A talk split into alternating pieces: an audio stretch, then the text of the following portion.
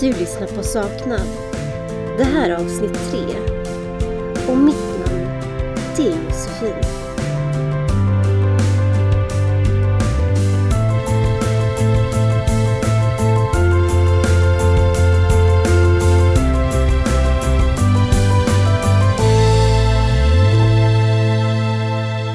Tonåren. Vår första kärlek. Ett brustet hjärta. Bråk med föräldrar. Vänner och pojkvänner känns betydligt viktigare än allt annat. Och mycket viktigare än skolan. Vi har drömmar. Stora och små. Och allting känns långt borta. Men ändå så nära. Dilemmat att vara barn och samtidigt känna sig som en vuxen. Det är med ett brustet hjärta Jessica lämnar grupphemmet för ungdomar. På kvällen, då anmäls hon saknad. Och detta fall, det har förbryllat både polis och Jessicas närstående väldigt länge. Och det ska ta över 17 år innan detta tragiska fall får ett slut.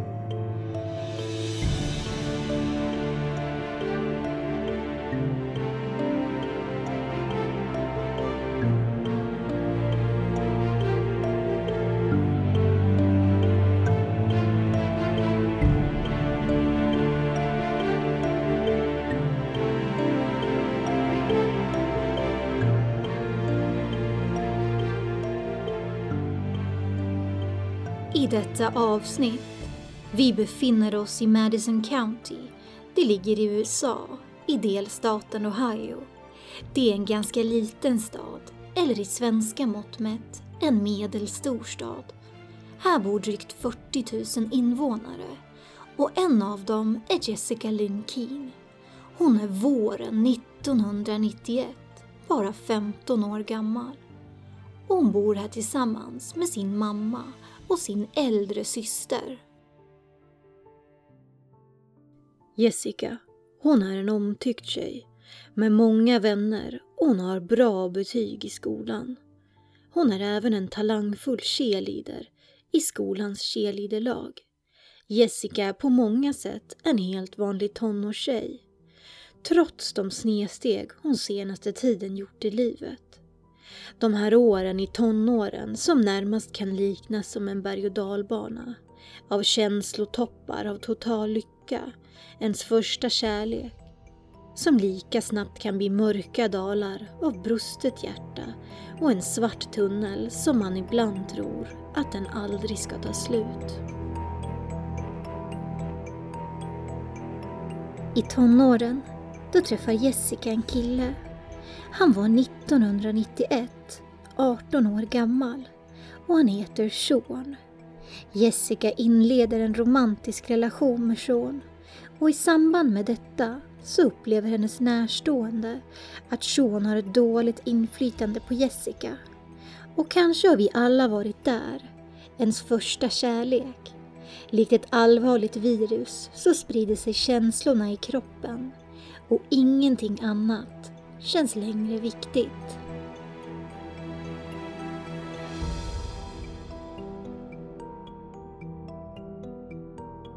Sean, han har hoppat av skolan och Jessica, hon börjar skolka för att istället spendera tiden med den nyfunna kärleken. Efter ett tag så bestämmer Jessica att även sluta med sin cheerleading. Jessicas mamma, hon blir orolig och förbjuder sin dotter att träffa pojkvännen. Åtminstone till Jessica har vänt trenden med de dalande betygen och skolkandet från lektionerna. Det är också viktigt att Jessica får fina betyg. Annars skulle hon inte få ett stipendium för att studera vidare på college.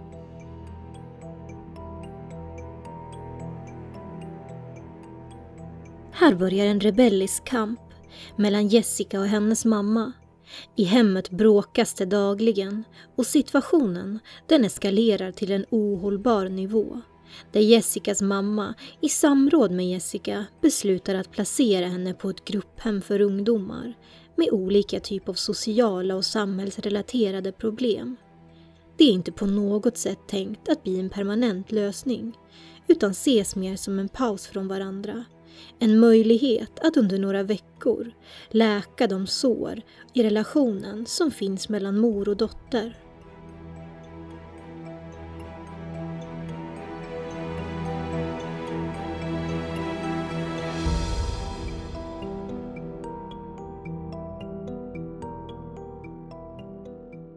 Det är nu den 4 mars 1991 och Jessica hon flyttar in på grupphemmet som heter Huckleberry House. Här får Jessica och hennes mamma professionell hjälp att reda ut den infekterade relationen som uppstått dem emellan.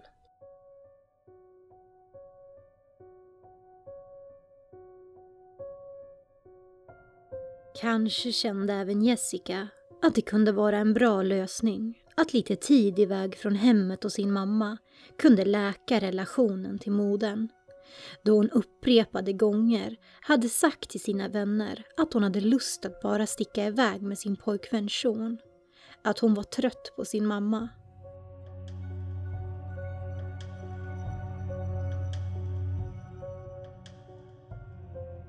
Jessica, hon trivs relativt bra på Huckleberry House. Hon får några vänner. Jessica och hennes mamma de gjorde snabbt stora framsteg och de börjar hitta en lösning på sina problem. Och trots detta så har Jessica inte avslutat relationen med pojkvännen Sean. De hade fortfarande kontakt och talades vid på telefonen.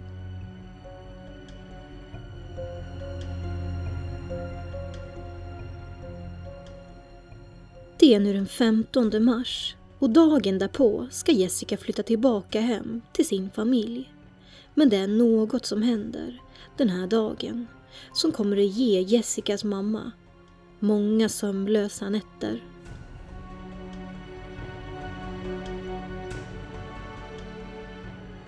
På eftermiddagen hör flera personer boendes på hemmet att Jessica bråkar högljutt på telefonen med sin pojkvän Sean. Vad bråket handlar om är oklart.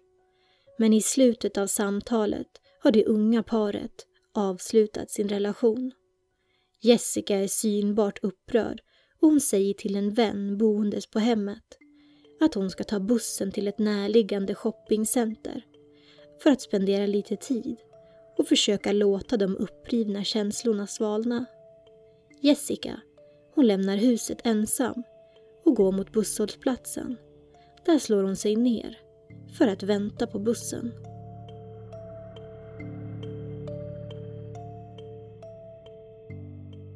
Jessica, hon återvänder inte till Huckleberry House. Det är nu kväll och klockan är 11.00. Nu räknar personalen på ungdomshemmet in alla ungdomar, något som var en rutin som skedde varje dag. Man upptäcker att Jessica inte finns på sitt rum och personalen de letar igenom resterande sovrum samt gemensamma utrymmen i fastigheten. Men man hittar inte Jessica någonstans. Personalen kontaktar snabbt Jessicas mamma. Kanske hade hon åkt hem dit en dag för tidigt. Men Jessica, hon finns inte heller där. Och hon har heller inte tagit med sina privata tillhörigheter som fortfarande ligger kvar på hennes rum.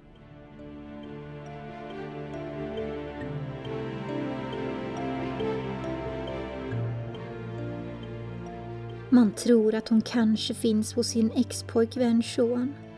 Men skulle hon ha lämnat hemmet utan att ta med sina tillhörigheter? Jessicas mamma blir snabbt väldigt orolig och redan klockan 12.30 har hon kontaktat polisen för att anmäla Jessica saknad. Dagen därpå, då letar vänner, skolkamrater och familj förbryllat efter Jessica som är som bortblåst. Det finns varken ledtrådar eller spår.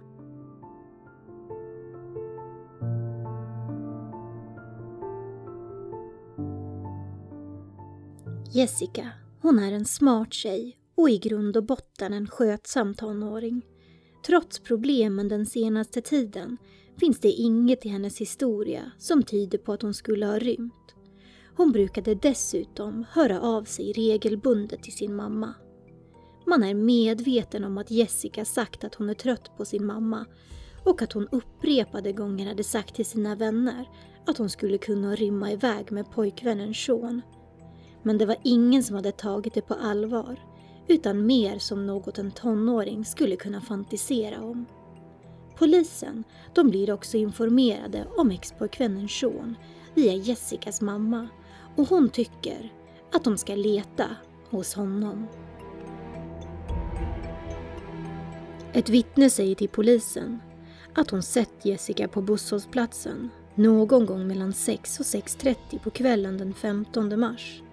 Detta stämmer också överens med vad Jessicas vän från Huckleberry House tidigare sagt, att Jessica skulle ta bussen. Men efter detta klockslag har ingen sett Jessica.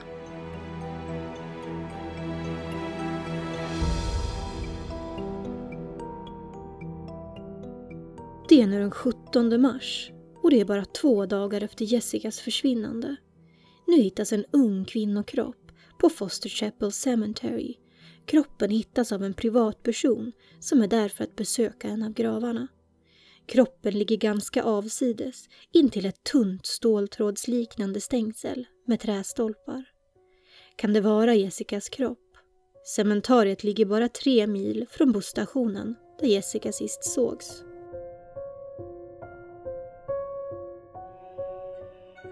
Kroppen, den påträffas nästan helt naken med bara en tilltyglad bh och en strumpa på ena foten. Det konstateras ganska snabbt att den påträffade kvinnokroppen, den tillhör den saknade 15-åringen. Hon har fortfarande sin ring på sig och sin armbandsklocka. Men smycket hon alltid bar runt sin hals med ordet taken som hon fått av sin pojkvän Sean, det saknades.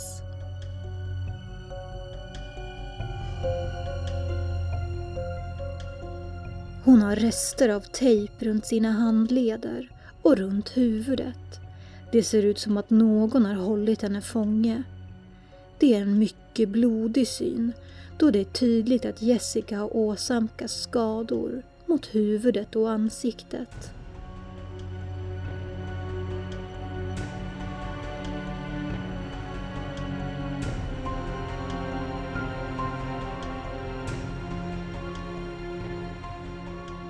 Vid brottsplatsundersökningen så hittas också Jessicas andra strumpa. Det finns fotspår som matchar Jessicas strumpbeklädda fötter. Det ser ut som hon har försökt fly i bara sina strumpfötter från sin förövare. Från en öde landsväg, genom ett djupt dike, över ett staket och in på en mörk gammal kyrkogård. Det ser ut som hon i farten har tappat sin ena strumpa.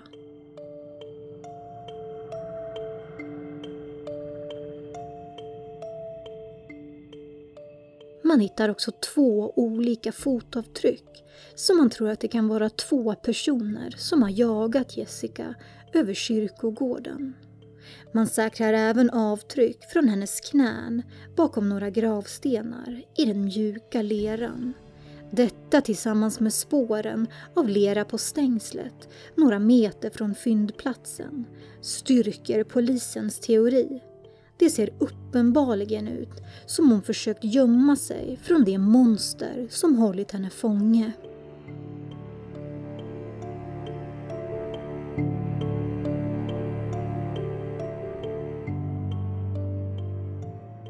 Det är natt och det är kolsvart ute och Jessica ser troligen ljuset från en liten bondgård lite längre bort som är väl synlig från platsen. Man tror att Jessica har försökt fly dit för att få hjälp. Jessicas mamma beskriver henne som modig och som en envis person som inte skulle ge sig utan att kämpa för sitt liv.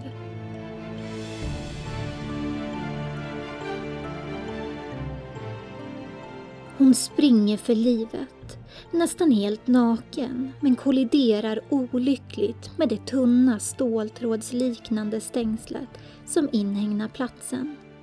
Det är nästan omöjligt att urskilja stängslet och dess pelare i mörkret.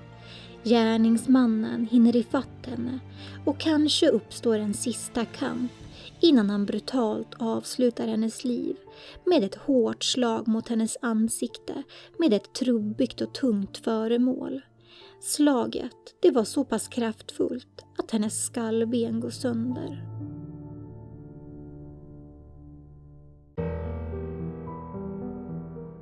Efter obduktionen kunde rättsläkaren konstatera att Jessica hade blivit våldtagen och att det massiva slaget mot hennes panna hade dödat henne. Polisen, de arbetar nu utifrån en teori att Jessica skulle ha blivit upplockad vid busshållplatsen. Att hon sedan hållits fånge under cirka sex timmars tid och att hon då även blivit brutalt våldtagen, möjligen upprepade gånger. Någon gång under natten mellan den 15 och 16 mars har hon mirakulöst lyckats fly från platsen där hon hållits fånge. Möjligen från den bil som plockat upp henne.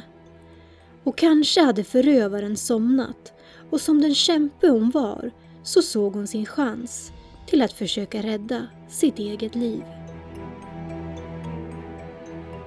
Platsen där hon hittades är ganska avlägsen och man tror att kroppen har legat där utan att blivit upptäckt i nästan ett dygn.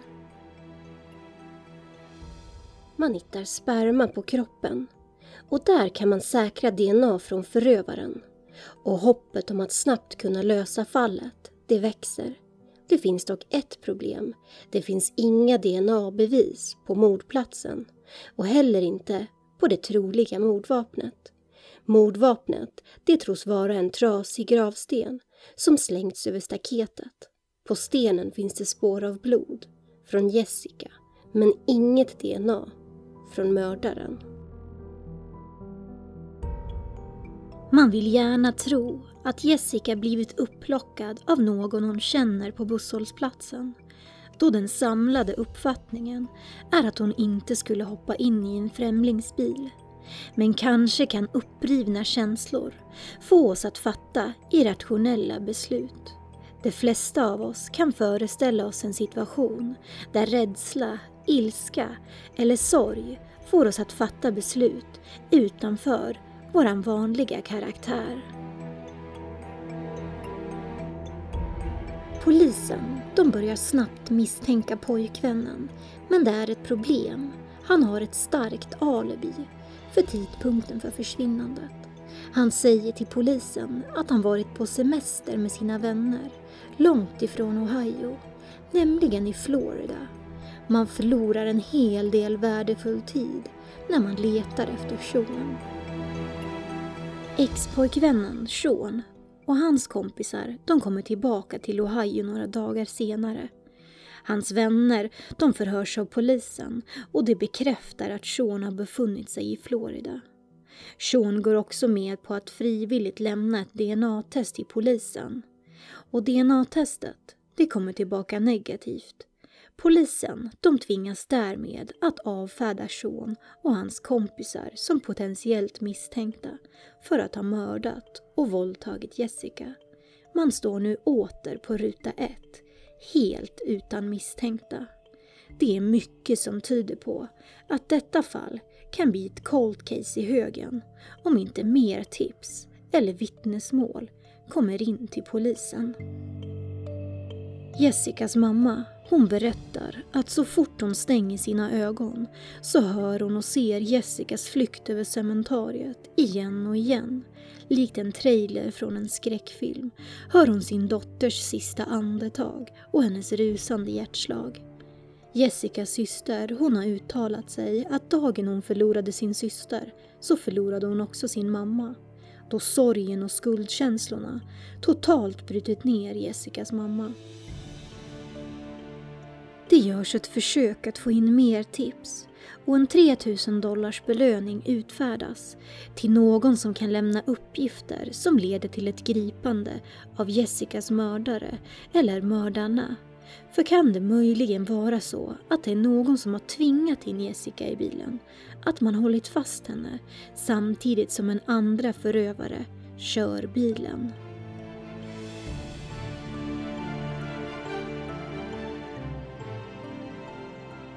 Jessica begravs och kyrkan svämmar fullständigt över av vänner, skolkamrater och familj.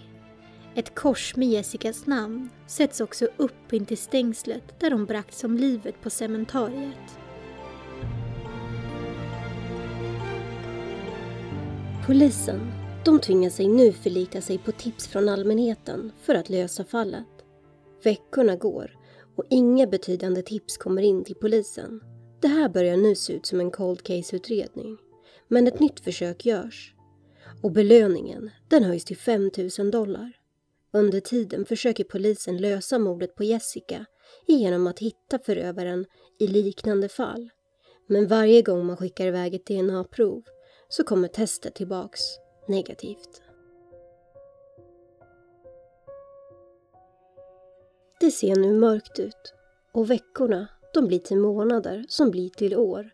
Polisen får under åren in hundratals tips men inget som tar dem framåt i utredningen angående mordet på Jessica. Jessicas fall det tas upp på TV två gånger under åren. Första gången 1993. Det är två år efter mordet. Andra gången 2001. Nu tar fallet upp på TV-programmet Unsolved Mysteries. Man tror att det saknade halssmycket ska kunna leda dem närmare fallets lösning.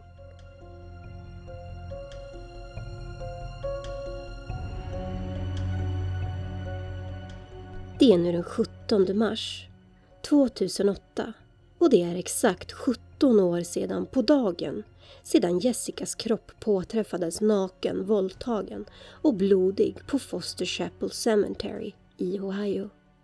Nu får kriminalutredaren ansvarig för Jessicas fall ett samtal från en kollega. Ett samtal han länge har väntat på. Man har fått en träff på DNA som man fann på Jessicas kropp.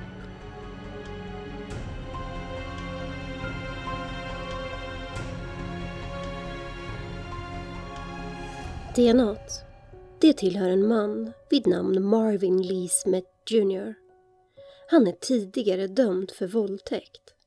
Han hade under 90-talet avtjänat ett nio år långt fängelsestraff för våldtäkt och det visade sig att han var ute mot borgen i väntan på rättegång i mars 1991.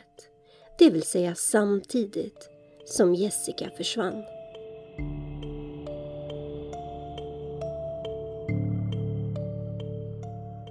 Det är en lagändring som gör att man hittar Jessicas mördare.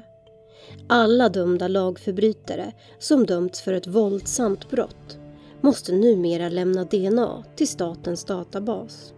Och det är när man gör en sökning mot denna databas man får en träff.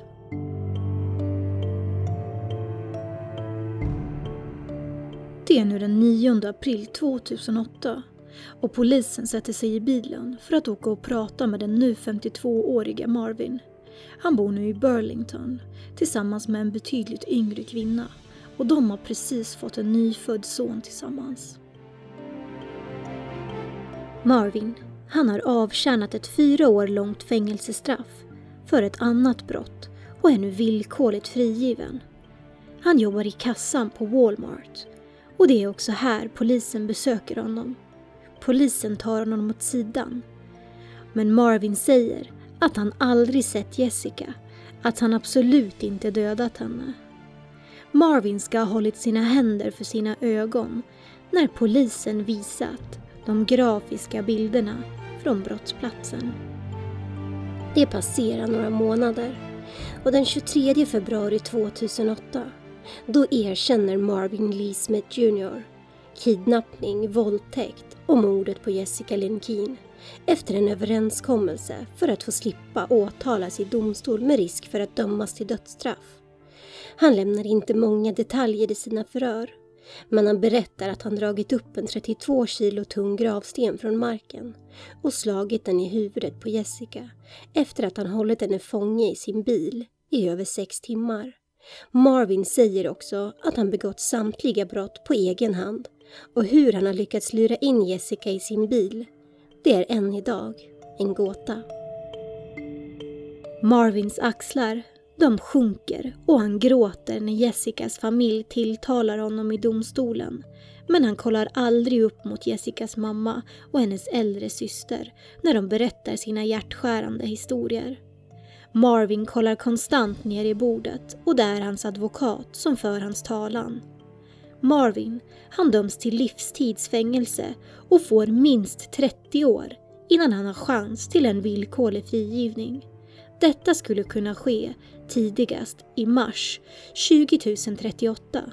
Om Marvin då fortfarande är vid livet skulle han vara 82 år gammal.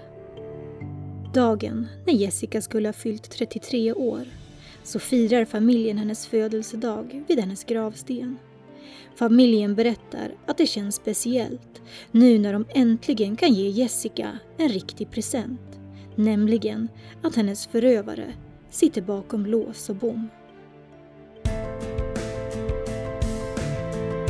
Tack för att ni har lyssnat. Mitt namn, det är Josefin. Nästa vecka, då tar vi upp ett fall där en hel familj försvinner spårlöst från sin nyinköpta bostad.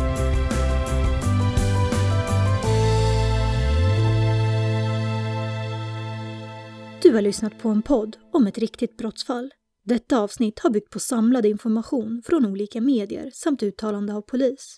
Några av källorna är bland annat det amerikanska tv-programmet Unsolved Mysteries, flera artiklar i The Columbus Dispatch från 2006, 2008, 2009 och 2016, tv-programmet On the Case with Paula Shawn, Season 5, Episod 9, en artikel i Life Daily